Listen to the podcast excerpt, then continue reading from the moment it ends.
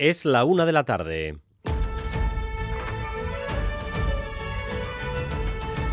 Crónica de Euskadi con Dani Álvarez. A Rachaldeón, las carreteras vascas se han cobrado la vida de cinco personas desde el fin de semana. La última víctima fue anoche un motorista otro motorista en Ordicia. La mala suerte se ceba además con Guipúzcoa. En lo que va de año han muerto 11 personas en Guipúzcoa en accidentes de moto. Precisamente en Ordicia se encuentra la unidad móvil de Radio Euskadi con José Ignacio Revuelta y Xavier Madariaga. Rachaldeón, Xavier. A Racha León va y todo ocurrió anoche a las nueve y media en este kilómetro 421 de la N1. Sorprende porque esto es una recta. Un motorista de 48 años perdió el control, salió de la calzada y chocó contra la valla. La ambulancia que se desplazó a la zona no pudo hacer nada para salvarlo. Y eso cuando el domingo otro motorista perdió la vida en Azcoitia, otra salida de calzada. El hombre de 52 años se disponía a entregar la Harley Davidson que acababa de vender. Con ellos dos ya van 11 motoristas usuarios vulnerables muertos en las carreteras guipuzcoanas y el número contrasta y mucho con el único motorista muerto en lo que va de año en Vizcaya.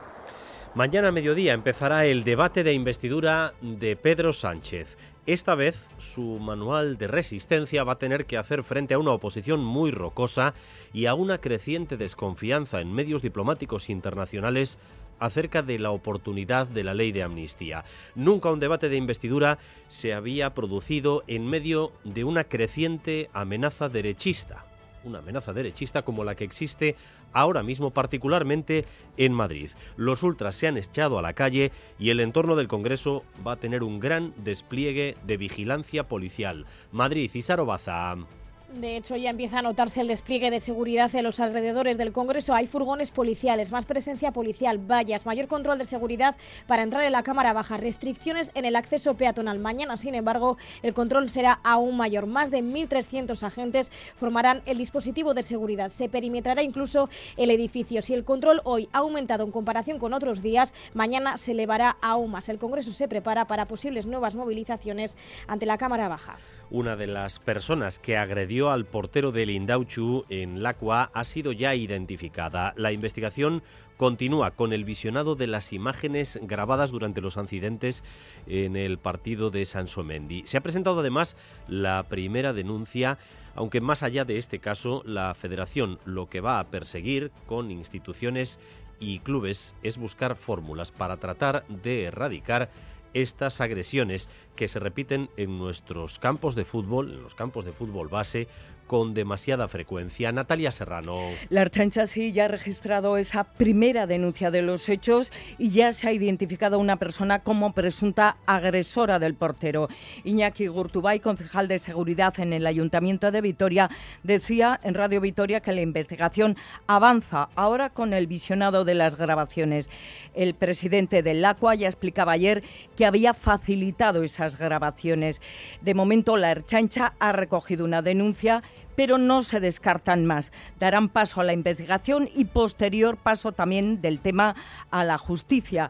La Federación Vasca de Fútbol lo que busca ahora es que no se repitan estos comportamientos violentos en nuestros campos, donde esa violencia, nos dicen, se ha normalizado. Y desde el gobierno vasco se condenan los hechos, se lamentan y se pide no banalizar este tipo de violencia.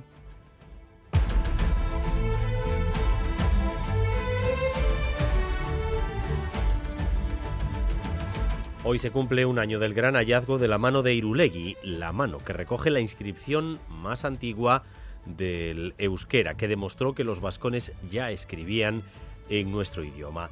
Pues un año después, la sociedad Aranzadi advierte que necesita más ayudas para poder seguir investigando, Arizaguirre porque los tesoros arqueológicos no se encuentran por casualidad y para que hallazgos tan importantes no sean flor de un día, hace falta ayudas de las instituciones. Maquina y Estarán de Aranzadi, director del yacimiento de Irulegui el proyecto se consolide y siga, porque al final, bueno, los resultados vienen después de décadas, ¿no? Un año después, la mano de Irulegui sigue en los depósitos del patrimonio histórico, le han quitado la corrosión, la han restaurado y el gobierno anuncia que la expondrán en el Museo de Navarra a finales del año que viene. EITB y Tabacalera lanzan la convocatoria Audioguille Berriac, con la que buscan guiones para impulsar ficciones sonoras en euskera. Se abre así el plazo para trasladar proyectos de ficciones de audio. Se van a seleccionar tres guiones que serán desarrollados en Tabacalera con la mentoría de Arcaiz Cano. De estos tres proyectos, EITB adquirirá los derechos de uno de ellos y destinará, de, destinará un mínimo de 30.000 euros para su producción. Maite Goñi, directora de audio y digital de EITB, explica que es una apuesta firme para impulsar la ficción de audio en euskera. Ikusten genuelako audio munduan eta euskeraren ingurunean batez ere ba, nahi dugulako izan erreferente eta nahi dugulako auspotu euskarazko fikzioa, soinu fikzioa ingurune digitalean. Eta horretan pentsatu dugu oinarrian beti dagoela gidoion bat.